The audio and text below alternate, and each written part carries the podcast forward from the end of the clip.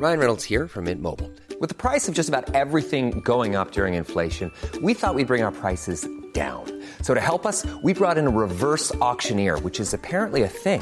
Mint Mobile unlimited premium wireless. Ready to get 30, 30, bit to get 30, bit to get 20, 20, 20, bit to get 20, 20, bit to get 15, 15, 15, 15 just 15 bucks a month. So, Give it a try at mintmobile.com slash switch. $45 upfront for three months plus taxes and fees. Promo for new customers for limited time. Unlimited more than 40 gigabytes per month. Slows. Full terms at mintmobile.com.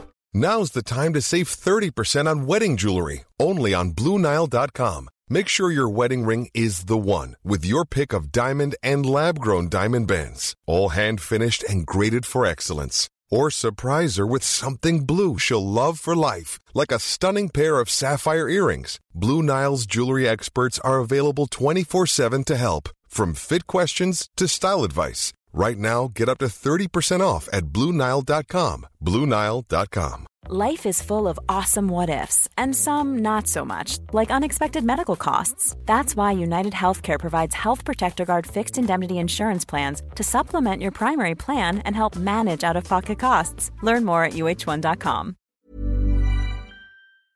Den här veckan är vi lyckligt sponsrade av Läkerol Dents. Det är alltså tuggpastiller som innehåller 50 xylitol. Jajamän. Xylitolet gör ju att emaljen blir hård. Eh, mineralisering kallas den processen. Det är ju fantastiskt att snaska på någonting väldigt gott samtidigt som du gör mer eller mindre underverk för dina tänder. Och Sanna, du vet ju att Läkerol Dents är min nya kompis den här sommaren. Mm. Och det passar mig perfekt för du vet ju också att jag är en pastillmänniska utan dess like. Jo tack, jag har märkt det. Mm. Det har jag i rakt nedstigande led från farmor Inga som jag tror aldrig har setts utan en Läkerolask på Katrineholms gator. Salig där uppe. Kanske finns hon i himlen. Kanske finns, har hon med sig sina pastiller i himlen? Troligtvis. Du är ju en Läkerol Dents strawberry-tjej. Men de finns också, ska sägas, i smakerna mentol och sweet mint. Och till min stora lycka, vecka 20 så lanserades också den nya smaken raspberry salmiak. Den har gått varm i bilen tur och tur till Göteborg kan jag säga. Alltså vi har ätit till förbannelse ra- raspberry salmiak. Så god. Då kan jag passa på att berätta då att man inte behöver känna att man överkonsumerar även fast man eh, sitter i bilen och tuggar i sig. För tanken är om det här ska verka verkligen, den här munhygienens xylitol, så ska man ta det efter man har druckit och ätit varje gång. Tre till fyra gånger per dag, två pastiller ungefär. Det är en lagom dos för att det ska funka. Ja. Och jag tänker ju att Inga var ju, farmor Inga var ju riktigt smart. Hon insåg ju så tidigt att de här tabletterna också är Jag smarta. tror inte du ska tillskriva henne allt för mycket Jodå, smarthet. jodå. Och så finns de också i en väldigt praktisk liten ask ska sägas. 36 gram, de är lätta att ta med sig i fickan eller i handväskan så Mm. att man alltid har dem tillgängliga. Och det är också så fräscht. Det är ju det som är grejen med tuggpastiller av allehanda slag. Att man också känner sig fräsch. Man doftar gott. Man är på gång. Man, är beredd på både det ena och det andra. Absolut, det gillar man. Ja, och du vet ju varför jag har skaffat barnlös på min handväska. Tack Läkerol Dents i var kvinnas handväska i sommar. Det kan jag lova.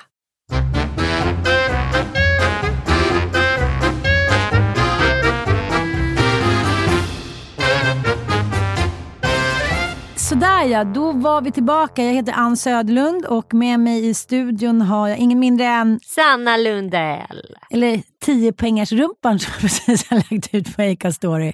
Jaså? Ja, det är jeansen, jävla Acne jeans.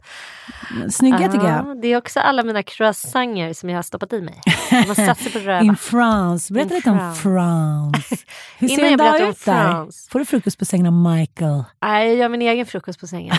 Det gör jag. Men jag ska säga eh, till er som lyssnar att vi är ju jäkligt taggade. Mm. Vi är tillbaka och denna podcast eh, har vaknat till liv igen. Mm. Och 100, vi 000, såg- 100 000 lyssnare inom tre månader. Det är vårt mål. Det är vårt mål. Mm, Så spread Hjälp the word. oss på väg. Spread the word. Ja, och eh, liksom, eh, skriv recensioner och, och DM oss vad ni vill ha med var. Jag tänkte att vi skulle vara lite mer private. Yes, Lite mer edgy and private and sausage. Sausage. The private sausage. För er som lyssnar på den här podcasten första gången så kanske vi kan bara tala om vad Supermorsorna är för podd. Supermorsorna är en veckoaktuell podd där vi babblar om samtiden, livet som mamma, kvinna generellt. Där vi också delar med oss av våra egna eh, privata fadäser som på något sätt då ska eh, mynna ut i någonting, någon utveckling kanske. Förhoppningsvis. Förhoppningsvis.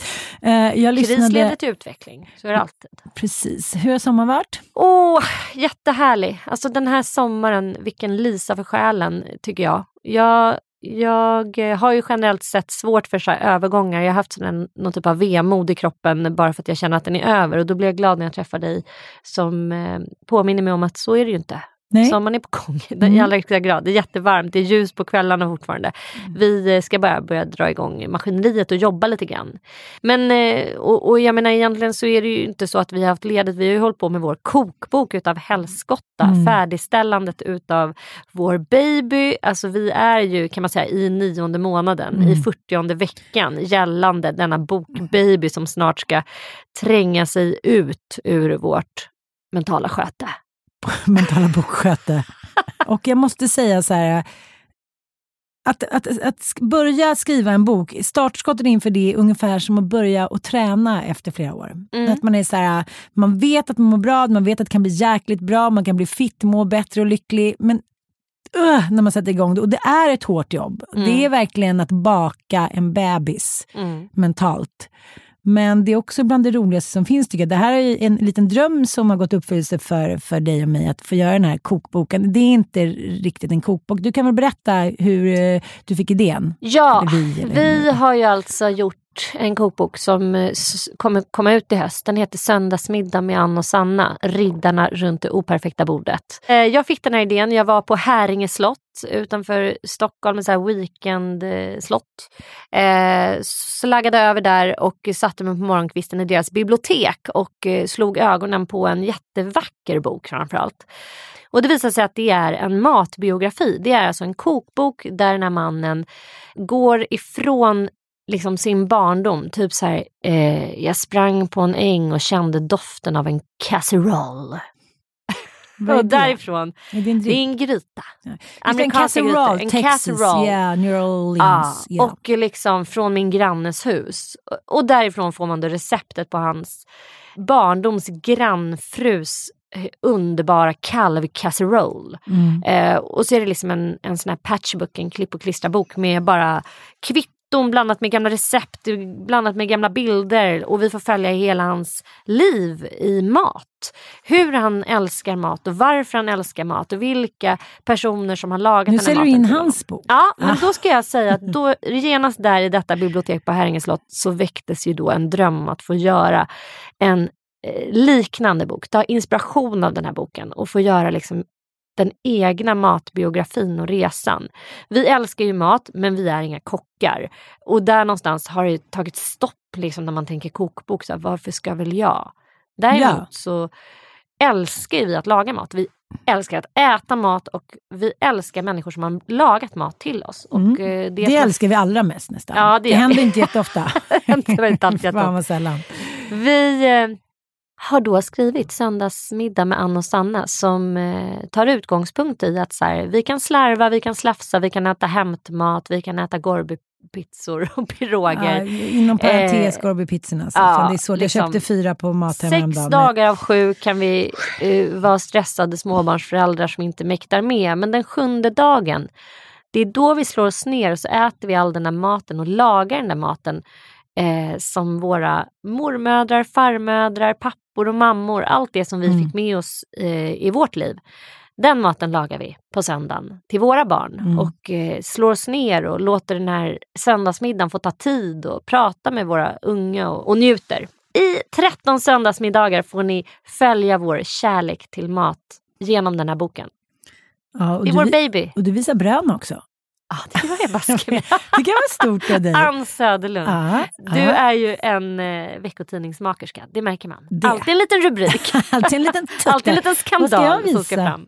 Ska jag visa? Du ska med din stjärt. Jag bad ju Ossia nu när vi var på Gotland, så här, ta några finstämda bilder när jag är här i Blå lagunen och går omkring som en härlig mamma mot slutet av semestern. Så skickade han över bilden. Han är faktiskt jätteduktig på att ta bilder. Det här var så här, jag kan knappt ta mig upp för en stenslänt, jag halkar till, jag står med så här, trosorna upp. Och jag måste nästan lägga ut en bildserie. Jag var så här, okej. Okay. En serie ju hur en tonårsson ser på sin mor. Precis. halkar genom Och då tänkte jag så nej men det kanske ändå är läge att... Eh, så tänkte jag så men gud, jag har i alla fall lite röv. Men då tänkte jag att det har ju, beror på att jag har då gått upp lite vikt under sommaren. Men det var ändå i all sin enkelhet så var det lite roligt att, att det inte skulle vara så himla fixat hela tiden. Så jag tänkte lägga ut de bilderna nu på... på Lägg mycket, ut dem på din story. Jag ska göra det. Men, men jag, jag tänkte ändå att vi kunde prata lite om sommaren och dela med oss lite. Mm. Du har ju ändå, liksom, vi har ju ändå fram och tillbaka, är man ju lite trött på barn under tiden. Du har ju varit lite själv. Mm. Mm. Och eh, du skrev ett väldigt fint inlägg till din man, tyckte jag. Jaså? Ja, det, var, det är inte så ofta du gör det. Nej. Han var, var bortrest för han spelade in, han spelade in Sex Education. Eller? Mm. Han spelar in Sex Education och eh, har åkt fram och tillbaks till London eller Wales.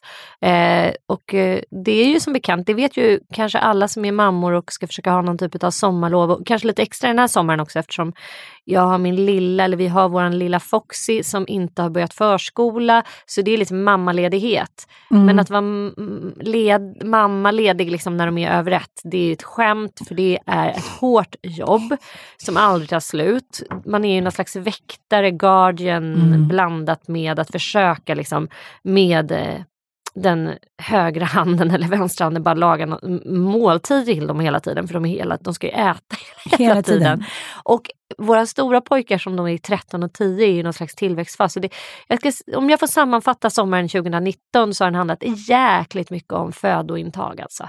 Men jag måste bara säga, för jag låg och kollade lite på Sex Education. Jag ja. trodde typ att det var en tonårsserie, men det var det ju inte. Men den har flera bottnar. Ja, men jag försökte hela tiden kolla på, jag spolade fram. För jag Micke kolla... är för rolig, han, bara, nej, han har ju inte, själv inte tittat på den. Han tror ju själv att det är en ungdomsserie. Jag bara, men älskling, han det här sa är... det till mig. Han bara, det är inget när på fotbollen. Han bara, det är ingenting för dig, det är typ en tonårsserie. Jag bara, jaha. Men det var det ju inte. Nej, det är jätte, jättekul är den ju. Men jag fattar Men hon är en ja. väldigt intressant karaktär.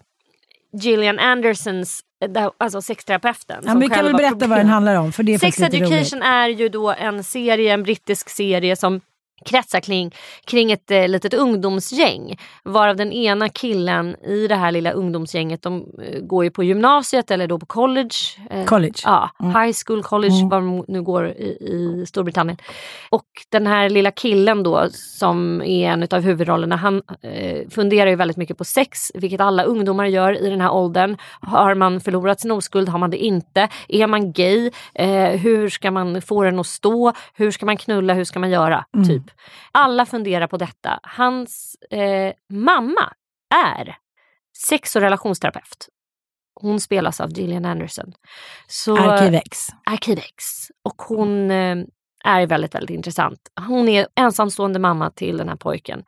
Eh, och de har en ganska komplicerad relation. Hon har ju då varit väldigt öppen om sex och samlevnad med det här barnet och han har ju utvecklat någon form av fobi. Då. Såklart. Såklart. Liksom 1 ja, Han kan allt om sex och samlevnad men mm. han har själv utvecklat någon typ av fobisk inställning gentemot det. Men för han identifierar då i sin eh, high school college miljö att det här är ett gigantiskt problem hos ungdomar. Mm. Eh, och börjar då, han öppnar en egen liten terapeutlåda. Mm, smart. Good business. Businessinriktad kille. Ah. Och därifrån utgår ju i stort sett varenda avsnitt som handlar kring olika typer av problem eh, mm. som ungdomar har kring sex. kan man säga. Och även vuxna. Så ja. det, det är som dels är det Gillian Anderson, sexterapeut vuxen då, som inleder relation med snickare. som spelas av min kille, Micke Persbrandt. Men han är då en svensk snickare som heter Jacob och som ska börja renovera hemma hos henne och hon blir jättekär i honom. Och ja, det här är ju, nu håller de ju på att filma season 2 jag kan inte avslöja någonting. Men det är definitivt en serie som är väldigt, väldigt rolig både för vuxna och unga. Men hon är hans... Eh, jag, försökte, jag hade lite, liksom, lite kort om tid så jag försökte spola fram för jag ville se några sexscener med dem. Ja. Men hitta, jag, det några riviga? Fan. Har du tittat på det? Nej, jag har inte, alltså jag har inte kommit så långt för eftersom vi försöker ju titta liksom på serier tillsammans hemma. Och sen har ju vi hela familjen slaviskt kollat på Oj, det har varit en sommar. Sammanfattning nummer två av sommaren 2019 är Stranger Things. Mhm. Har du sett den serien? Nej. Du måste kolla på den med Jag dina barn. det. Ja. Du vet, den är så hypad bland ungdomar och barn. Jag har ju kollat på den med mina barn och den är ju sjukt läskig. Jag är känslig för läskiga serier så jag sitter ju hela tiden Instagram-scrollar samtidigt som jag tittar. Men vi har, vi har bränt alla tre säsonger här nu. Ja men så så, det är två punkter kan jag sammanfatta juli. Det är Stranger för, Things och vi går för fort fram. Ja, men det, vi måste ändå stanna vid det. Du måste förstå att jag ändå tycker att det är spännande och jag har frågat förut att när, när den man älskar och lever som vi ska ha en sexscen, pratar man igenom det innan så här lova att du inte kysser med tunga. Du måste ändå säga lite, för det här är lite härligt tycker jag. För jag sätter mig in i den situationen att Mattias skulle då åka iväg och spela mot Kanske inte jättesvartis på Gillian, men, men det är ändå så här, hur funkar det? Har man så här skyddsnoppedoni? Kysser man med tunga? Kan du inte bara ge oss lite? Åh gud, jag skulle då kunna ägna flera timmar åt att berätta för lyssnarna och dig om hur jag har kommit över eh, svartsjuka i livet. det ska jag inte göra här nu. Nej, men, vi har pratade pratat om det på här vägen förut. till Galicien. Att så här, Mm och det, det är det som jag tycker är skönt också, att gå in i relation när, man in, när det är liksom vissa grejer som är då viktiga för en relation när man är yngre, att man alltid ska ligga, att man alltid ska... där, där, där. När, det liksom, när man, inte det blir lika viktigt längre, då blir man också trygg i relationen och då kan jag tänka mig att sånt där inte spelar så stor roll. Men du drog förbi det så snabbt så jag tänkte om du ändå var lite svartis. Nej, nej, nej det är jag inte alls faktiskt. Eh, nej, det är jag inte. Det, det är liksom ett jättekonstigt jobb ju. Att vi har på något sätt bestämt att skådespelare bara ska kunna vara så här fysiska med varandra eh, framför en kamera och så här spela att de är kära. Alltså det är helt bisarrt egentligen man tänker på det med eh, eh ett utifrån perspektiv. Men eh, nej, jag är inte svartsjuk när det där görs. Jag tänker inte ens på det. Eh, och när jag ser det, men jag, jag, eh, en, enda gången jag har blivit så här illa till mods eh, av att se Micke göra sexscen, det var i Anna Odells senaste film. För jag tyckte att han blev så hårt exploaterad. Hur de, eh, förs- att han skulle liksom spela dels sig själv då Mm. eh, och att han skulle vara liksom en så här påsättare på något så här gammalt unket machosätt liksom Mm. och sätta på Vera Vitali på något så här. Jag tyckte jag bara fy fan att de, att, eh, att behöva göra det där. Det blev, jag blev sjukt illa till mods. Jag tyckte det kändes som att han blev övergreppad. Mm. Och jag var, när jag gick ut från den biografen så, så blev jag så här, fy fan, kär, hur, kan hon, hur har hon gjort så här mot dig? Hur har hon kunnat göra så här mot dig? Så kände jag. Mm. Och han var så här, nej men ta det lugnt. Alltså, han fick typ lugna ner. Jag, jag tyckte det var väldigt eh, hemskt.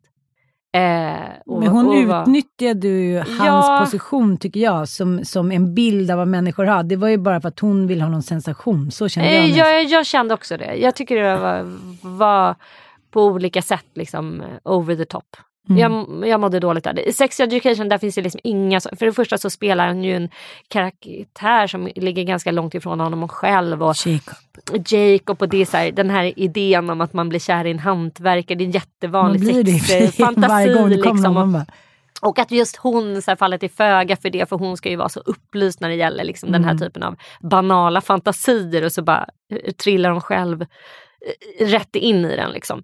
Så, nej, den är jättehärlig. Men och jag, eh, det, det ska tydligen gå liksom väldigt eh, städat och kliniskt till när de har den här typen av sex. Eh, nu har ju då Netflix och andra stora bolag, alltså produktionsbolag, de har ju helt nya policies efter metoo.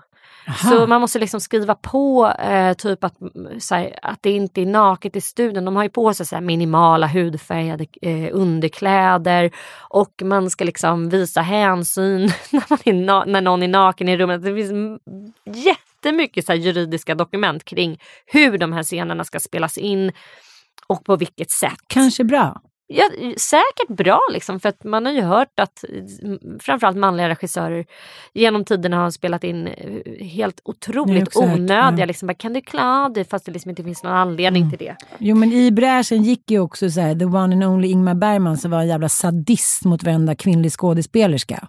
Ja, fast det håller ju inte vissa utav hans då, Musor med eh, musor med om. De håller inte alls med om det. Så, och det tycker jag också är viktigt att så här, nej, vi, vi, de, de som verkligen har jobbat närmast honom måste ju få berätta sin historia. De tycker ju inte det. Och det var en annan tid då. Så man kanske inte heller kan säga, det är klart att Ingmar Bergman är så här, i dagsläget kan ses som en så brutal person. Men på 50-talet så var ju han en extremt liksom nyskapande figur. Bara det att han vågade skilja sig. Alltså det, han, han var ju kanske Han så mycket barn på gång. Alltså. Ja men också att visste han har skrivit in kvinnliga jättestora huvudroller. Att det är så kvinnor som berättar. Det är historier som kretsar kring kvinnor. Så, äh, det där tycker jag är lite väl. Att så sitta och sätta honom i en modern kontext och hävda att han hatar kvinnor. Så här, nej, det gjorde han säkert. Men, men jämfört med många andra gubbar på den tiden så tror jag tvärtom att han älskade kvinnor. Men Eh, jag känner inte att han hatade kvinnor. Men, men det, alltså problemet är ju hela tiden tidens kontext. Att, så här, att placera människor från andra tidevarv i vår, liksom, i vår utveckling. Så här, det är ju väldigt... Strindberg stor kvinnohatare. Man bara, jo absolut. Men i dag, i, med, med våra moderna ögon sett. Så här. Men helt ärligt, i, i, i sin tid så var han ju en väldigt modern människa. Som också så höjde kvinnan och problematiserade äktenskap. Han, han gjorde väldigt mycket eh, som var eh, på den tiden helt egentligen supermodern. Jag tycker att det är ganska intressant ändå, just de här, liksom, ska man säga, så här, gamla genierna. För att jag har tänkt på det där ganska mycket i sommar, att så här, män ändå, eh, även om vi liksom älskar och klagar på dem, kämpar på och får mycket oförrätt. Och jag har liksom haft den lilla, så här, vad ska jag säga, eh, Tentaken. Lilla tentaken ute den här sommaren att jag ska så här, kolla runt lite. Inte med så här, snubbar så och så så. Utan just med det, här- med det här ögat att de, de kämpar så himla mycket för att göra oss lyckliga och nöjda ändå.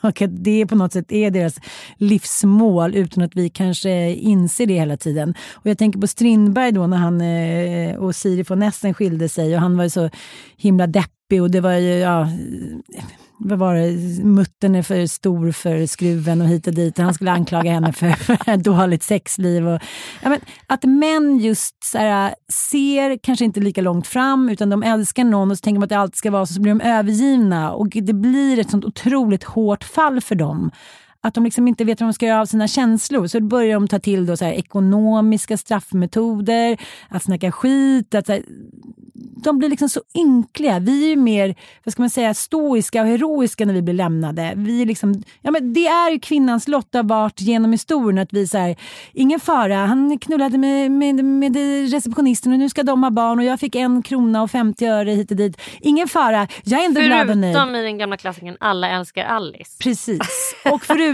i Haggan också som är en ny bok. Eh, och jag tänkte så himla mycket på det där när um, häromveckan då när det kom bilder från Cannes Mhm. på uh, Blondinbella och hennes nya miljardär. Ja. Mm. Eh, då tänkte jag så här, eh, i gott skick, vara i gott skick. Hon, han har då lämnat sin fru sedan typ 25 år tillbaka för Blondinbella Mm den här miljardären. Och vi behöver inte nämna några namn eller någonting, men, men eh, det är klart att, att det är journalister som hört av sig till eh, hans exfru då.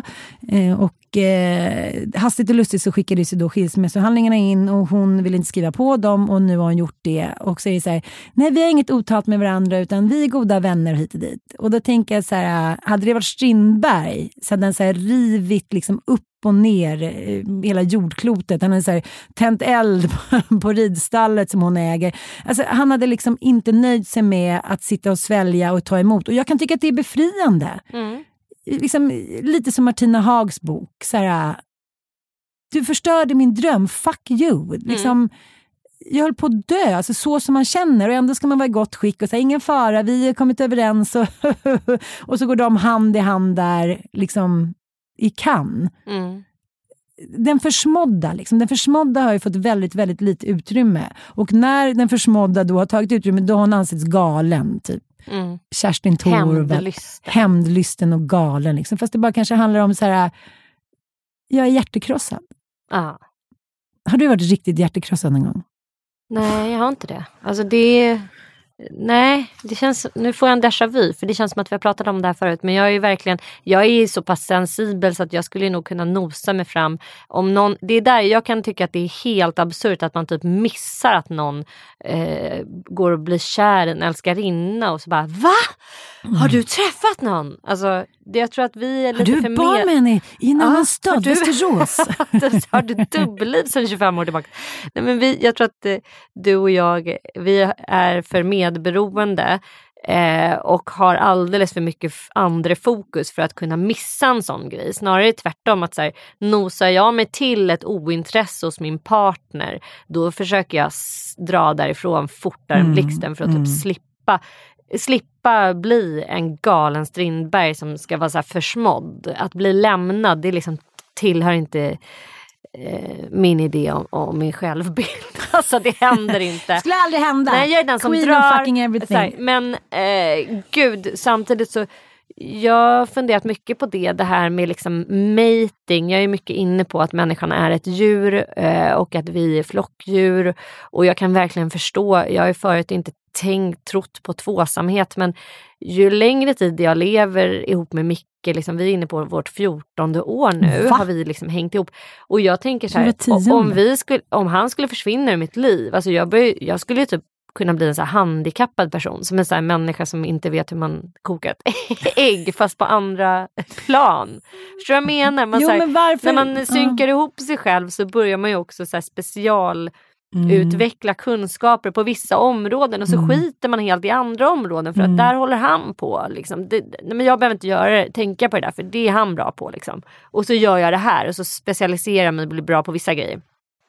Precis som i en flock med andra djur. Liksom.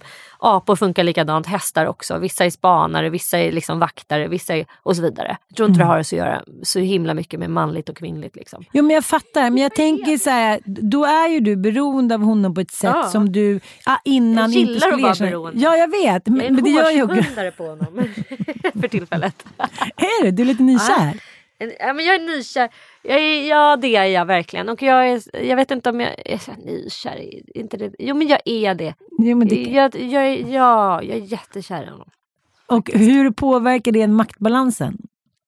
Ingenting. Alltså, Nej, det är också det det, jag så här, jag älskar att kunna vara så här, bara så här, eh, det finns inga betänkligheter eller att jag skulle handla i ett underläge eller Nej. någonting om jag är den som är mer kär. Eller så.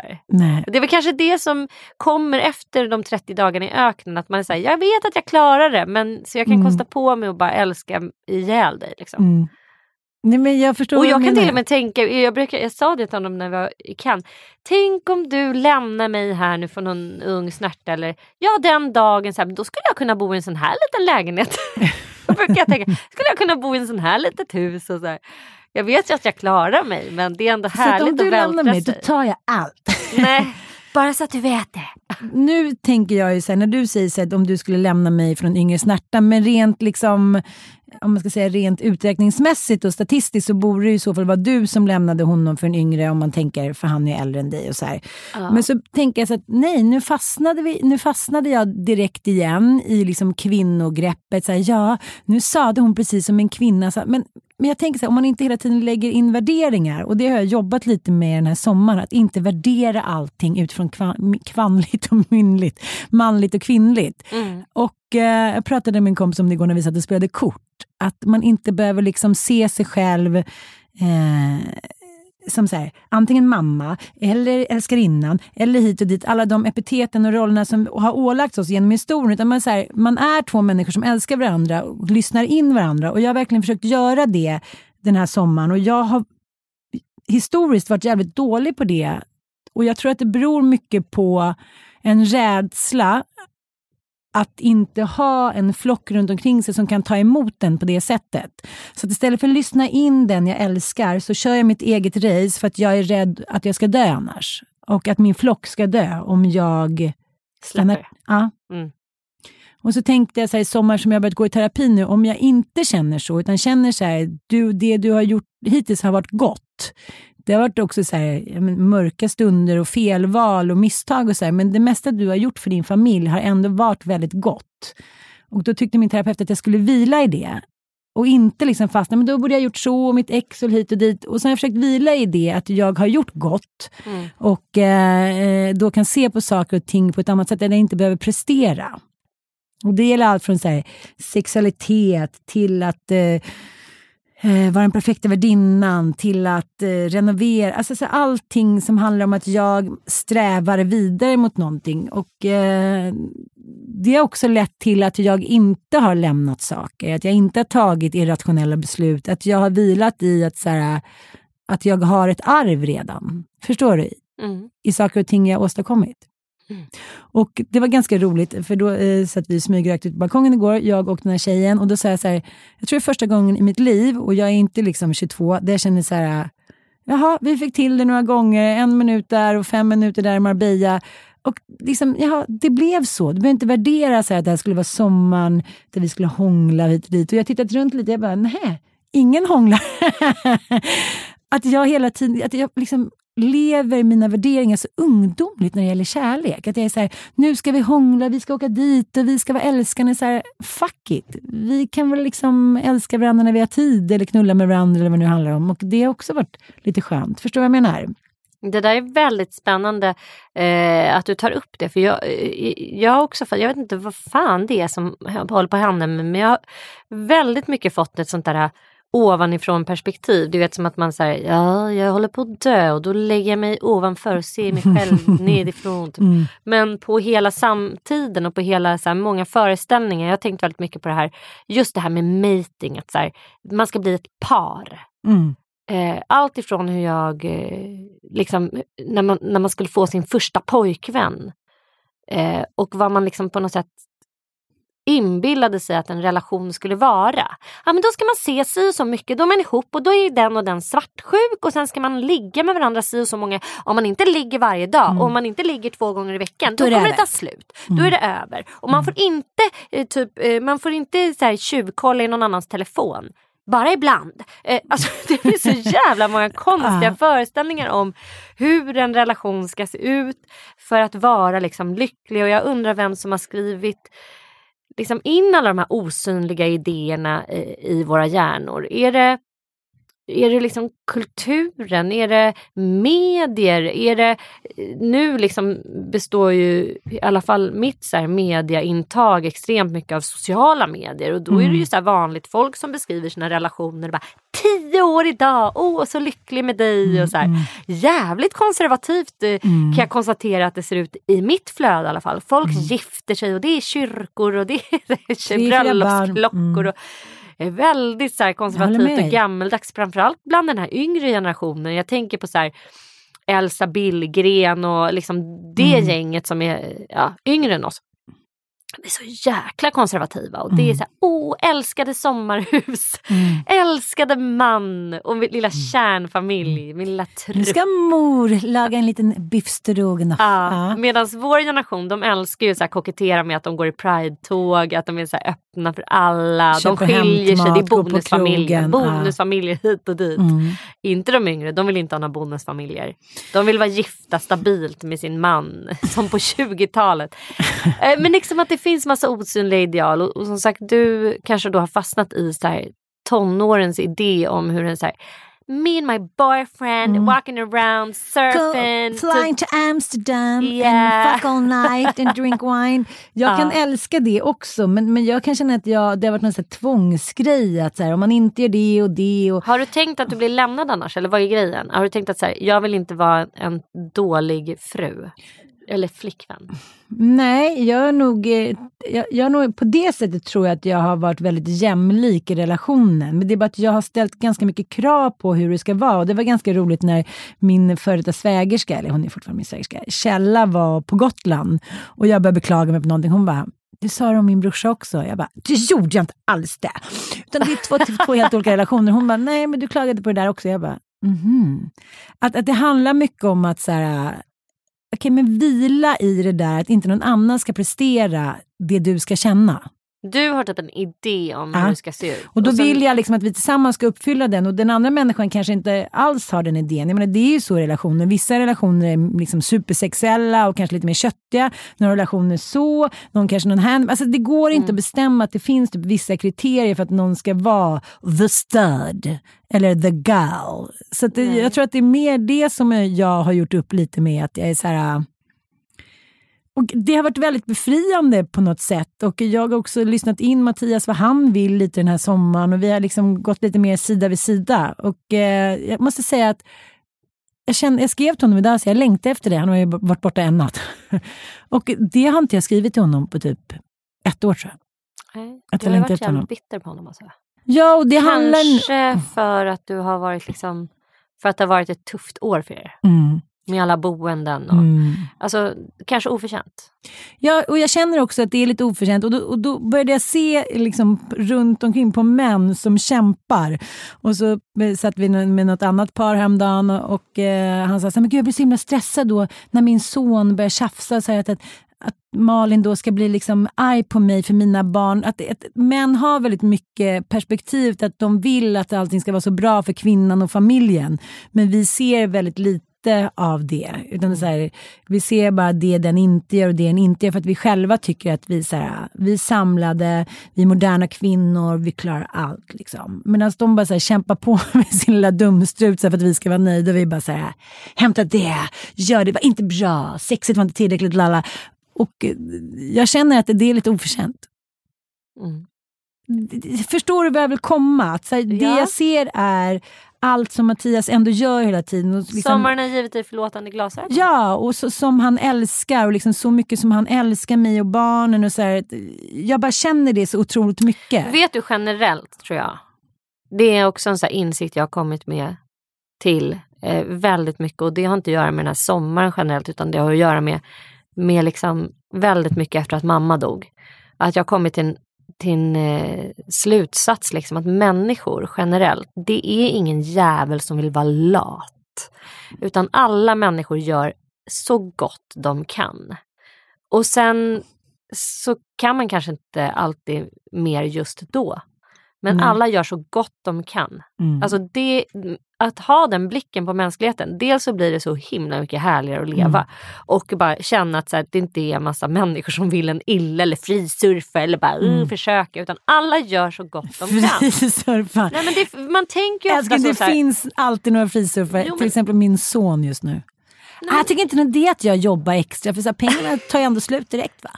Kan swisha? det är fan en äkta frisurfare älskling. men älskling han gör så gott han kan. För det, jag, vet du vad jag tror? Han tar ju hand om barnen hela tiden. Ja men jag tror också Ja, att det finns ett motstånd som gör att han kanske inte vågar jobba. Eller att han känner att han är så här, det, det krävs för mycket av honom. Han har ju rätt i det. Mm. Att så här, alltså för en ung människa att gå ut och ta sitt första sommarjobb, kommer du ihåg det första när man gjorde det? Vilken jävla ansträngning Mm. det är. Både mentalt och socialt, att så här, ta sig dit. Var liksom så här, hur, hur, ska jag ta instruktioner? Kommer jag klara det här?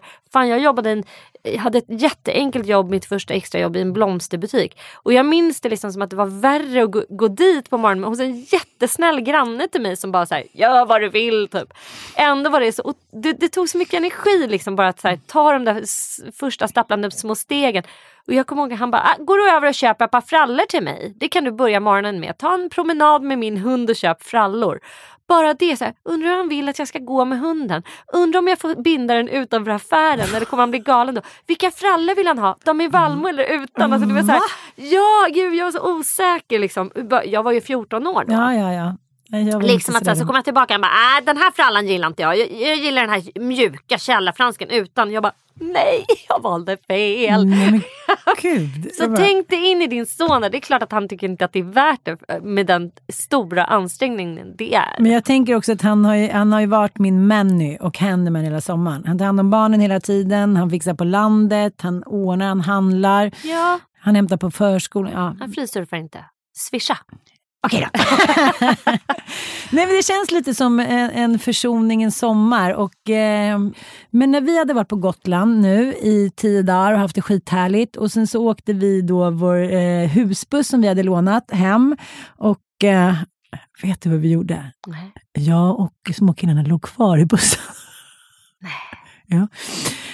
Så att vi kom hem och eh, Ossian och jag orkade inte gå upp och killarna så jag bara så här, nej men jag ligger där bak på vinst och förlust. Eh, sjunker vi så här, ah, ja.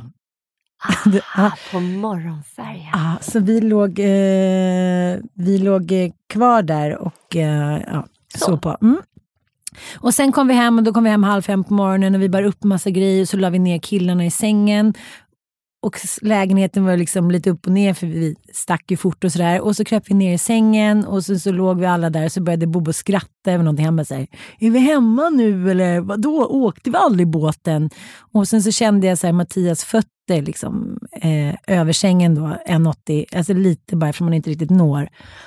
Och så bara så här började solen gå upp och det var ett milt sommarregn och så tänkte jag så här, jag klarar mig alltid, det kommer jag alltid göra, det är inte det som är problemet. Och det hade varit mysigt om jag låg med småkillarna själv här också. Men just där och då i den banala liksom, situationen i sängen så kände jag hur jävla fint det var att vara en familj. Mm. Det kändes bara liksom, jag kan, jag kan inte förklara, det handlar inte om att så här, oh, fyra, vi fyra i någonting, men det kändes bara så här, det var så vilsamt att vila i det, att det var en man bredvid mig i sängen. Mm. Kunde lika gärna varit en kvinna, det är inte det jag menar, men, men det kändes bara så här, jag hade inte velat ligga. Imagine the softest sheets you've ever felt. Now imagine them getting even softer over time. That's what you'll feel with Bowl and Branch's organic cotton sheets. In a recent customer survey, 96% replied that Bowl and Branch sheets get softer with every wash. Start getting your best night's sleep in these sheets that get softer and softer for years to come. Try their sheets with a 30-night guarantee. Plus, get 15% off your first order at bowlandbranch.com. Code BUTTERY. Exclusions apply. See site for details. A lot can happen in three years, like a chatbot may be your new best friend. But what won't change? Needing health insurance. United Healthcare Tri Term Medical Plans, underwritten by Golden Rule Insurance Company, offer flexible, budget friendly coverage that lasts nearly three years in some states. Learn more at uh1.com. Many of us have those stubborn pounds that seem impossible to lose, no matter how good we eat or how hard we work out. My solution is PlushCare. PlushCare is a leading telehealth provider with doctors who are there for you day and night to partner with you in your weight loss journey. They can prescribe FDA-approved weight loss medications like Wagovi and Zepbound for those who qualify. Plus, they accept most insurance plans. To get started, visit plushcare.com slash weight loss. That's plushcare.com slash weight loss. Ready to start talking to your kids about financial literacy? Meet Greenlight, the debit card and money app that teaches kids and teens how to earn, save, spend wisely, and invest with your guardrails in place. Parents can send instant money transfers, automate allowance, and more. Plus, keep an eye on spending with real time notifications. Join more than 6 million parents and kids building healthy financial habits together on Greenlight. Get your first month free at greenlight.com slash ACAST. That's greenlight.com slash ACAST. Själv. Ingen supermorsa utan Hollywood. Yeah, då har vi varsin Hollywood idag. Ja, det har Mm, vi. Jag har ju en Hollywood som kanske inte är så mycket Hollywood utan mer Sverige men som har gjort mig väldigt upprörd här i Mhm. sociala medier för man får ju ändå kalla henne för Hollywood star. Allas vår Kenza. Ah. Alltså hon har ju 1,2 miljoner följare Mm, över hela världen på sin Instagram och eh, sin jätte, jättestora blogg. Och hon har ju precis fått en liten unge som är sju veckor och jättegullig. Efter en lång kamp kan man säga. Men hon hamnade ju i klimakteriet när hon ja, var 26. hon hade ju liksom, och hon har delat med sig frikostigt verkligen om sin resa för att eh, få den här lilla gulliga sonen. Eh, ja, hon hade helt enkelt eh, gått in i ett för tidigt klimakterie, troligtvis eh, eh, som en reaktion på att hennes pappa dog och det var ett jättestort trauma och det kan göra konstiga grejer med kroppen. Men hon blev liksom efter flera olika typer av behandlingar och de försökte ju med IVF och sådär. Så lyckas hon ändå bli gravid på naturlig väg och har nu en liten pojke som hon älskar och eh, ja, men han är så jävla gullig. Eh, och hon la ut i förrgår tror jag, eller om det, ja, det var några dagar sedan i alla fall, när, för det är World Breastfeeding Mm, mm. Week eller något sånt där. Jag försöker hela hitta bilder, jag ska också lägga ut. ska jag jag, bara, Ja. jag måste också lägga ut. Hon la ut en jättefin bild när hon ammar sin unge Mm, och jättegullig. 3000 kommentarer med så här, hatiska galna människor Mm. som så här, jättemånga härliga kommentarer, det ska sägas också. Säkert tre, tre fjärdedelar av kommentarer med så här pepp deppigt, härligt, fint, vackert. Men ändå liksom alldeles för många galna trångsynta människor som hävdar att det här är äckligt. Trycker du upp fittan i nyllet på oss nästa gång? What's next? En eh, a poo diaper? This is gross. Alltså så galna människor som fortfarande så här, unga människor som följer henne som tycker att det här med amning är kontroversiellt och äckligt. Jag, jag Mm. blir så här, vad fan kom igen nu, lägg av. Mm. Och, och samtidigt så, så tänker jag att så här, den, enda, den, den enda vägen liksom, den är upp och Kenza go for it. Gå, gå ut där och amma och lägg ut fler bilder på det här när du ammar. För liksom, jag har ju då spenderat tio dagar i Cannes och jag kan säga ingen ammar där. Nej. Det är så här, varenda unge, det är liksom bara så här, ner med en, med en eh, nappflaska i eh, vagnen och så får de ligga där och tutta. Och det är ju inget fel på flaskmat, eh, jag vill inte liksom stigmatisera där men alltså kom igen, ingen jävel ska känna sig begränsad av att amma en bebis. Liksom. Jag skiter fullständigt i att människor stirrar eller tycker att det är fult eller alltså bara amma på, det är den enda vägen. Strunta i alla jävlar Men bara. ammade du då i Cannes öppet? Ja, helt öppet. Ja. Jag sitter på Hotell Barrière, jag sitter på Carlton Ritz, jag ammar, alltså jag skiter fullständigt i varenda jävel. Fransmännen Jag bara, tittar inte ens. Ja, och de säger, eh, fast det grejen är den att nej, Mm. ingen under den här resan eh, har tittat snett. Och jag har ändå nu har jag ju en Den stor bebis, pattar, en över ett år gammal bebis med tänder som springer runt och som hoppar upp och rycker ut tutten som att det är liksom en ja, ägodel. Nej, eh, ingen har tittat snett, ingen har liksom eh, och jag tycker inte man, man ska inte behöva sköta det här snyggt eller på något jävla sätt. Man ska amma precis när och var eh, nöden eh, tränger på. Okej, då är det min lilla Hollywood-spaning eh, som handlar då om Gwyneth Paltrows eh, senaste podd där hon pratar om hur chockartat det var för henne att bli 40 plus. Mhm. Jag tänkte så mycket på det. Det handlade om att hon berättade att hon alltid hamnat i roller där hon är vacker och sexig och snygg. Och så blir hon plus 40 och så kände hon att det där började avta, att hon inte fick några sådana roller och så fick hon göra upp med det. Och fine with me. Jag har ju aldrig, du har ju mycket mer klassiskt vackert utseende. Du har ju liksom ja, varit på galapremiärer och anses, anses väldigt vacker. Jag har ju liksom aldrig haft den parollen. Jag har inte haft den stämpeln i mig att jag har blivit liksom, vad ska man säga, eh, ansedd som den vackra. Kanske den snygga eller den fina eller hit och dit eller någon gång de ska åh vad du är vacker. Så, men det, Fast älskling, det kan man inte säga. Alltså jag tror också att det handlar om att så här, varken du eller jag har använt oss av så här, vårt utseende eh, som vad ska man säga, ledstjärna i våra sociala medier eller i våra produktioner överhuvudtaget.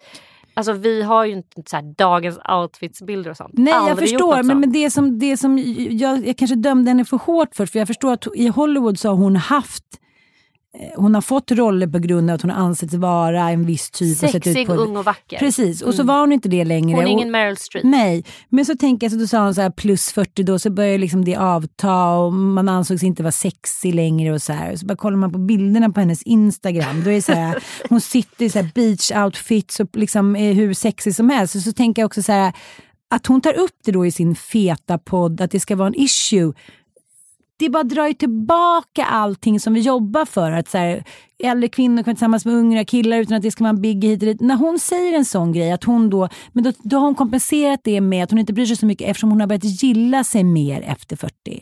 Hon har börjat bli mer sams med sig själv.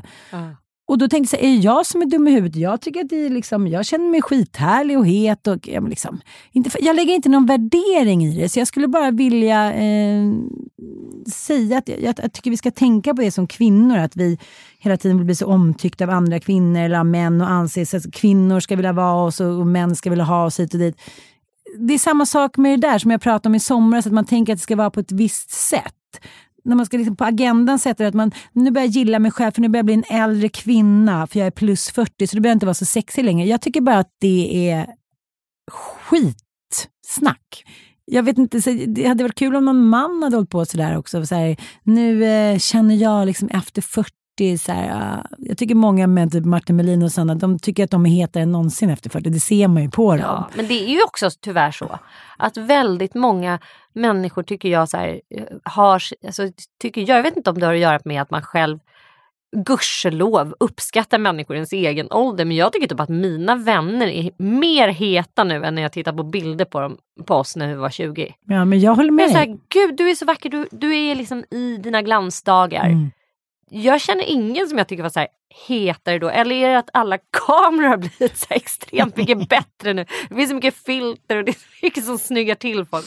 Men jag men, också att- generellt även när jag träffar dem så tänker jag så här: wow, gud vad snygga de är. Mm. Men Eller är det för att vi har tid för oss själva och vi tar hand om oss själva på ett annat sätt än när man var 20 och bara drog i sig tre paket röda Marlboro. Men jag tror också att det är, en, det är en ny generation. Om jag tittar på mina liksom bästa kompisars döttrar så är de så jävla fiffade. Alltså. Det är liksom rätt kläder och det är naglar och det är hår och deras kroppar och de liksom påsar hit och dit. Jag bara så här, kollar på några bilder på mig själv när jag är så 20. Sitter typ i Farsta bara så här. Alltså jag har ingen värdering om att jag ska vara en kvinna som ska behaga. Sen Nej. så liksom, jag menar jag hade skitmycket killar och det knullades och festades och restes hit och dit. Men det var aldrig så här att jag skulle behaga någon. Att hela ditt liv gick ut på att Nej, men jag tror mycket att det handlar om att jag bara har missat hela den grejen. att jag är uppfostrad så här, lite killigt. Och, Är vad inte man ska det, säga. eh, du är väl det man eh, klassiskt brukar kalla en eh, pojkflicka. Men samtidigt jag kan jag ju utnyttja den där kvinnogrejen som fan mer Ja. än de flesta jag känner för att folk kanske inte är lite beredda om jag vill ha någonting. så det blir väl så att man är väldigt dubbel. Men Cissi Wallin har ju varit, gått hårt åt eh, botoxkvinnorna senaste tiden på sin story och sin Insta och så här nu räcker det, I love you my friends, men ni ser fan ut som liksom ja, ankor blandat med hit och dit. Och eh, jag tror att det handlar om, för jag har en kompis som, som faktiskt sa till sin skådespelande vän så här, för ett tag sedan att jag tror eh, vi har inte med dig eh, längre i, i, liksom i, i vissa tankar när, när det ska rollbesättas för att vi ser inga uttryck i din, ditt ansikte längre. Hon, jo, och hon blev jätteförvånad. Hon bara, va? Varför har ingen sagt någonting? Så att det är ju någonting som verkar liksom göra att folk gets carried away. Att man ser inte, det är ungefär som när man går upp i vikt eller är gravid. Helt plötsligt så står man där i nionde månaden eller har gått upp 10 kilo. Eller det förskjuts i en relation att någon kanske har blivit dum mot den andra. Så man har börjat vänja sig sakta men säkert vid någonting annat. Och jag tänker att det här är samma sak. Men, men, men, jag eh, kommer ihåg den, den stora snackisen var väl när Renée Zellweger Man bara. Det vad var inte samma människa. Det var inte samma Nej, men det människa. var inte samma människa. Det och den, det har man ju upplevt också med Nicole Kidman. Mm. Att det är så här, mm. the totally numb face liksom. Samtidigt så bara whatever, alltså jag vet inte. Nej, jag men väl jag- också jag så här, känner så det är också lite som de vill. dubbelbestraffning av kvinnor så att de jobbar i en bransch som är extremt utsatt. Mm, Nicole Kidman är typ 50 år gammal får fortfarande så spela förutom i, i Big, Big Little Lies där hon liksom får ändå vara, nej men hon är ju en ung mamma där Mm, också mm. vilket är helt overkligt. Så här, En liten 35-årig mamma liksom fast hon är 50 år kan hon inte få spela något? Och jag tror inte hon vill det. Jag tror att hon kanske också jag vet inte vad det är som gör att, eller är det inte bara så här kort och gott så att varenda jäkla människa vill vara liksom på toppen av den här eh, triangeln av liksom åldrande. När man är som mest framgångsrik, som mest kåt, eh, gladast, har minst ont överallt och snyggast. Mm. Ja, men varför skulle man inte vilja Varför vara det tills man komplicerar dör? det? Varför Mm. vill inte alla, alltså herregud. Och nu finns ändå det massa sätt att liksom hamna där genom typ att luras lite grann genom att typ banta, eh, sminka sig, spruta in grejer, operera sig och så kan man lura liksom i alla fall Nej, men jag säger inte att det är något liksom- fel, jag säger inte att jag inte kommer göra det, men det är vissa skådespelare och skådespelerskor. Det kanske rimmar illa med just det yrket. Ja, för att det är så här, om Men man typ inte Victoria ser... Silvstedt vars enda uttryck ska vara att eh, looking sexy. Då kan man spruta in hur mycket man vill. Men vad är då, liksom, om, om man ska säga att allting då förändras som säger efter metoo, men vad är då det nya sexiga? Är det fortfarande då att se ut som Victoria Silvstedt? Jag, jag kan liksom inte riktigt vara med på det. Nej men det, det tar väl tid att förändra. Alla kan ju inte gå i bräschen tänker jag. Hon har väl bara så här, men gud mitt eh, yrke och, och, och typ mitt liv går ut på, på att vara en så här blond, blont eh, bombnedslag femme fatale. Jag, jag gör det så länge det är Men I möjligt. got rich on it. Ja, I Mm. get rich on it. Hon hade tydligen så här en hejare på, på att placera i aktier och jag har tydligen en så här extrem portfölj. Så här, as long as it works I do it. Liksom, låt henne operera sig vad fan hon vill. jo, men- men, men har liksom, gör du anspråk på att bli så här, den nya typ Ingrid Bergman då kanske det inte är jättesmart att köra liksom, botox i hela facet och så här, operera sönder hela dig. Om du typ har någon vilja att visa någonting med ditt ansikte. men, men jag tänker också, Ingrid Bergman sa ju det att hon tyckte det var svårt att bli äldre och även liksom Greta Garbo, de är ju två ikoner, världens vackraste kvinnor. Så jag förstår ju den där rollen att man har varit världens vackraste kvinna eller man. Jag menar Tom Cruise. Mm. och sen vill jag hela tiden att vi ska gå och se på den här filmen och kolla på den tiden. Han bara, han är så snygg. Jag bara, eh. Och så känner jag så här, att Jag Ossian tycker Ossi, vi verkligen tycker det. samma. Jag gillar också Ja, men jag gillar Cruise. också honom, men han Love har ju också sprutat in grejer hit och dit. Men jag kan också se att han är snygg fortfarande. Men det jag menar är att folk får göra vad fan de vill. Men det som är konstigt tycker jag när man träffar människor som man har känt länge, som helt plötsligt har andra läppar eller liksom inte kan röra pannan. Och så, jag, jag kan inte få ut samma... Det är svårt att sitta och prata med någon som inte ger några uttryck. Det är lite som att sitta med en halvdöd människa. Ja. Man bara, eller hur? Så skrattar man lite så här. Så bara, Okej. Ja, men jag Du är lägger inte alltså- någon värdering. Du, du, du lägger ingen värdering fast du ändå gör det. Nej, men jag tycker att det är konstigt. Det, det blir svårt, men man kanske vänjer sig. Men, men eh, Jag tycker framförallt att det är helt bisarrt att man opererar en kroppsdel som ger vår avkomma mat så att det inte går att få den att fungera längre. Nämligen alltså bröstoperationer.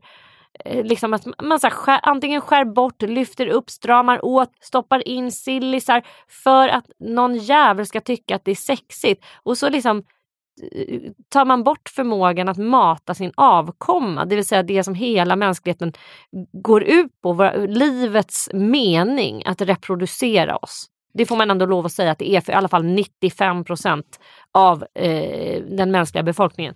Nej men det, då ska man ta bort det. För, för, Bakåt. nej, men det är, sk- nej, men jag, är inte bara, jag tycker bara att det är helt galet. Vadå, då du- kan man, väl, man kan väl operera sina tuttar då när man har liksom kommit till klimakteriet. Ja, men, När man inte är amningsbar ålder. Men alltså jag, mänskligheten är jävligt konstig, har alltid varit. Ja, och det är bara så att vi lever i en värld där allting är Inte dokumenterat. Folk har gjort galna grejer. Fan, kinesiska så här, binda fötterna. Ja, men- det, det är ju värre än alla läppar i världen. Men det finns ett Ja, konto där de har lagt så här stora läppar på Marilyn Monroe, Audrey Ja. Hepburn, Ingrid Bergman. Inte fint. Det kanske var du tyckte om de såg ut så då. Ja, men, vi det har hade ju de ju- tappat liksom, nu har vi ju tappat, precis som att de, här, vissa kulturer i, i norra Thailand har de här ringarna och tycker det är vackert. Vi har, alltså mänskligheten är full av galna uttryck för status, Långa halsar kanske vi långa ska halsar, jättestora läppar, hängtuttar är jättepopulärt i vissa eh, afrikanska kulturer. Dit ska Alltså, jag flytta. Ja. Nej, men det är helt ärligt, så här, ja vi kan tycka att det är jättekorkat och vilja att det ska bort. Och, och så länge det är skadligt, absolut. Men jag menar på 50-talet var det skitpoppis att operera, knäcka revbenen eh, och, och köra korsetter och så här. Män kanske är lite mer besparade då. Där har liksom alla typer av looks eh, varit okej så länge du är jävligt rik bara. Mm, mm. Var bara rik. Så är det fortfarande.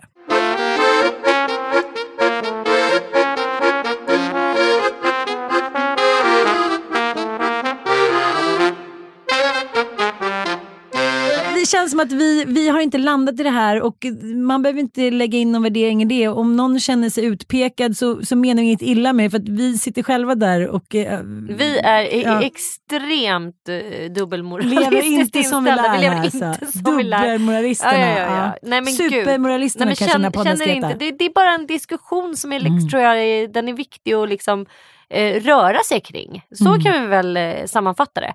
Att eh, så här, ja, det, det finns jättemycket som är knäppt med vår samtid i hur kvinnor liksom ska försöka bara uppnå dessa skönhetsideal. Och det, så har vi ju fått hålla på genom tiderna. Men sen finns det också en extrem massa härliga kvinnor som skiter fullständigt i alla ideal. Och det har också alltid funnits. Titta Mm. på bilder på Selma Lagerlöf häromdagen. Mm. Hon sket ju fullständigt i både bantning och hon satte sig och randade istället och skrev. Men hon var ju världens bästa författare och var Ja. kär, hade lite olika tjej, två tjejer som var superkära i henne. Ja, så liksom, ja.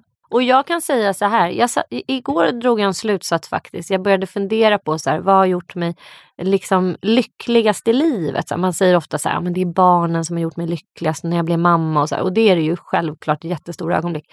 Men jag måste säga att så här, det som har gjort mig så här, kanske mest trygg och på något sätt någon slags så här grundläggande känsla av sammanhang och att jag är viktig eh, på något sätt.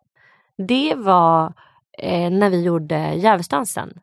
att så här, det var liksom någon slags brokig bana som ledde till att jag blev journalist. Jag skrev massa artiklar för mamma och Amelia och så här, som jag inte tyckte hade så stor betydelse. Och så här. Men så gjorde vi Djävulsdansen eh, som på något sätt så här, gick rätt in i kärnan uh, av mitt eget liv och att det fanns någonting i det som kunde uh, vara till nytta för andra människor. Mm. Och som sågs och älskades av så många människor. Där jag fick också visa att så här, fan jag kan det här yrket. Det handlade väldigt mycket om det också. Mm. Jag kan göra research, jag kan hitta liksom personer och berättelser och jag kan berätta. Och sen gjorde jag mitt sommarprat. Och, alltså, där någonstans, det var det som gjorde mig lugn. Inte att så här, träffa en kille, för det trodde jag när jag, när jag var liksom yngre. Att så här, men då kommer jag bli lycklig om jag bara blir ihop med den och den och den. Och då kommer jag bli lycklig när jag bara får bo där och där och där. Mm. Och liksom, jag har provat massor med olika killar, jag har provat massor med olika boenden. Jag har fött fyra stycken barn. Men det som faktiskt ändå har fått mig att må... Och jag har testat botox, det har jag. Jag har varit smal och jag har varit tjock. Och jag har liksom fått åderbråck och jag har velat ta bort dem och struntat i att ta bort dem. Ja, men, förstår jag vad jag vill komma? Att det som ändå har gjort mig så mest lugn och trygg och som har fått mig att liksom skita i stort sett dels i mitt utseende, det är liksom att ha en så här, eh, gud vad torrt det låter, men ett, så här, en plattform för mitt yrke där jag känner att jag gör något som betyder något. Mm. Det tror jag är, det sa Freud också, en, en eh, lycklig människa är en arbetande människa. Jag vet. Sen tror jag att allt det här med, med botox och kroppsångest och allt det där, det är så här, satsa då bara på ditt yrke, bara jobba, jobba, jobba. Och det gör min pappa också alltid, bara jobba, jobba, jobba. Så, så blir det bra. Mm. Jag tror faktiskt på det. Vi är liksom djur, vi behöver jobba. Men det känner, det känner jag också i sommar att jag har ändå mått bra av att jobba lite. Ja, Det- när man inte jobbar, det är då man börjar Mm. hålla på med det där. Och är han kär eller inte? är, ja, gud, är vårt liv bra? Ska vi inte flytta? Ska vi inte? Man behöver jobba så be- håller man inte på så mycket med resten. Man och hinner liksom inte. Och jag har också använt din fars eh, kommentar om att det är väldigt svårt. Eh, han säger att jag förstår att det var väldigt svårt att leva. Det är svårt att leva med en författare. När man går in i en bok så går man väldigt Det har liksom varit mitt försvar. Och jag sa att det här är ändå bara en kokbok om man säger så. Men, men eh, att skriva en roman. Ja. Alltså, alltså man är så ockuperad av, av böcker. Jag liksom... vet att Bodil Malmsten sa det när hon skrev eh, sin bok När kastanjerna blommar är jag långt härifrån. Mm. Hon visste liksom att om jag ska kunna skriva den romanen så kommer jag behöva en människa som tar hand om mig. För jag kommer inte kunna göra någonting annat. Jag kommer inte kunna liksom ta hand om mitt sociala liv. Jag kommer knappt kunna laga mat. Jag kommer inte kunna städa. Jag kommer inte göra, göra någonting Mm. annat än att bara gå upp i det här. Och det eh, och hon skrev ju också bara en roman. Alltså, eh, hon har ju skrivit massor med essäer och liksom eh, diktsamlingar och alltså kortare kåserier och sådär. Men, men hon skrev ju, eller hon skrev ett par romaner liksom. Eh, för att det är ett sånt jävla tufft jobb, det är det ju verkligen. Mm, mm. Jag läste precis i morse eh, Toni Morrisons eh, Nobeltal. Mm. Hon var den första svarta kvinnan som fick Nobelpriset. Att just det här med, med eh, orden, att de, liksom, att de är så himla viktiga och de kan förändra. Och eh, det är också ens skyldighet att, liksom, eh, att använda orden på rätt sätt. Och eh, hon berättade om en anekdot eh, med en så här klok kvinna som, som eh, bodde i utkanten av byn som var så här, ja, men, vet, den kloka gumman i amerikanska södern typ. Och eh, hur det till syvende och sist handlar om att det är ditt eget ansvar. Ditt liv och de gärningarna du gör. Så kom det ut fyra ungdomar till hennes hus så hade de en fågel i handen. Och så sa de så här, eh, hej, hej sa hon, hon var blind. Är fågeln som vi har i handen, är den död? Och så var hon bara tyst och tyst och de började så här fnissa och blev mer och mer stressade. Så sa hon så här, eh, det vet jag ju inte eftersom jag är blind. Men om den är död så har ju du antingen hittat den på vägen och tagit med den hit. Eller också så har du själv dödat den. Eh, alltså lite så här, det är upp till dig och ditt eget moraliska ansvar vad Mm. du gör av eh, situationen. Och jag tänker mycket på det, det är kanske det som handlar lite om den här sommaren, att säga, jag kan inte tro att någon annan ska göra mig lycklig, ska göra mitt sexliv bra, ska göra att jag sköter räkningarna hit och dit. Eh, För till syvende och sist så är det vad jag gör av mitt liv och det är väl det vi landade också i Djävulsdansen, att vi gjorde det bästa vi kunde för många andra människor Mm. och oss själva samtidigt. Mm. Och det är väl också den finaste, så här, det är det finaste man kan ge sig själv och någon annan, att man använder sina erfarenheter på gott och ont till att göra gott. Mm. ett ansvar inför sig själv som också blir ett ansvar för hela mänskligheten. Du, eh, när Mm. du ändå var inne på Toni Morrison så vill jag verkligen bara säga att jag har hon, hon har skrivit en bok som heter Älskade och de, den boken är så här, eh, jag har aldrig blivit så berörd eh, av en berättelse som av den. Så det är verkligen dagens boktips. Läs den, Älskade heter den. Den är helt fantastisk. Eh, hon gick ju gång? bort här För några dagar sedan. Precis. Toni Morrison. Mm. Eh, hörni, stort tack. Jo, jag vill bara säga en enda sista grej. Det är klart du vill. Vet du, det är en sista grej som har hänt under sommaren som jag bara vill tipsa eh, lyssnarna om. Det var när jag trodde du var gravid. Nej, det var inte. Nej. Det är att jag har ju börjat blogga på allas.se. Eh, jag har ju haft en blogg som i stort sett har legat i någon slags halvträda. Nu har den flyttat till allas.se. Det är en jätte, jätte härlig nystart för mig. Jag älskar verkligen att ligga där och eh, jag skriver faktiskt dagligen. In och eh, titta där på vad som händer i mitt liv. Det ska jag göra. Puss och kram. Vi hörs lyssnade. nästa vecka. Puss Ja, och kram. Varje vecka hörs vi. Hej då.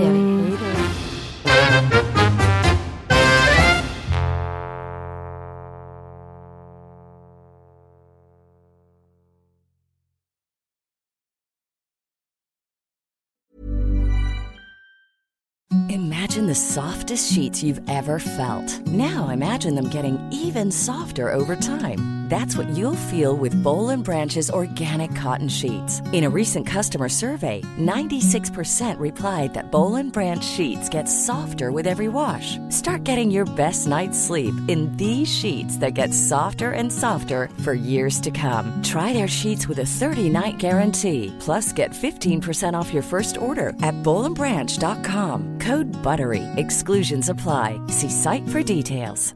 Hello, this is Danny Pellegrino, host of the Everything Iconic podcast, and I'm here to tell you all about Splash Refresher because hydration is mandatory, but boring is not. Now, I love my water, but if I don't spice it up, I'm not going to finish what I took out of the fridge. That's why I love my Splash Refresher, which is flavorful, delicious, bright, hydrating, and zero calories. The wild berry flavor is my fave. No, wait, is the pineapple mango flavor my fave? You know what? All five craveable splash refresher flavors are my fave because they're so delicious. So get hydrated and enjoy it with Splash Refresher. Hi, this is Kristen. And this is Jen from My Mom So Hard. And we're here to talk about By Heart. Do you remember when you were nursing and you were like, I want to give the best thing I can to my baby? Well, we've got that for you. It's called By Heart, and it is a infant nutrition company built from the ground up to deliver real innovation on behalf of babies and parents. Curious about By Heart? Redeem your welcome offer at byheart.com slash podcast with code MOMS20 for a limited time. Additional terms and conditions apply. Tell them My Mom So Hard sent you.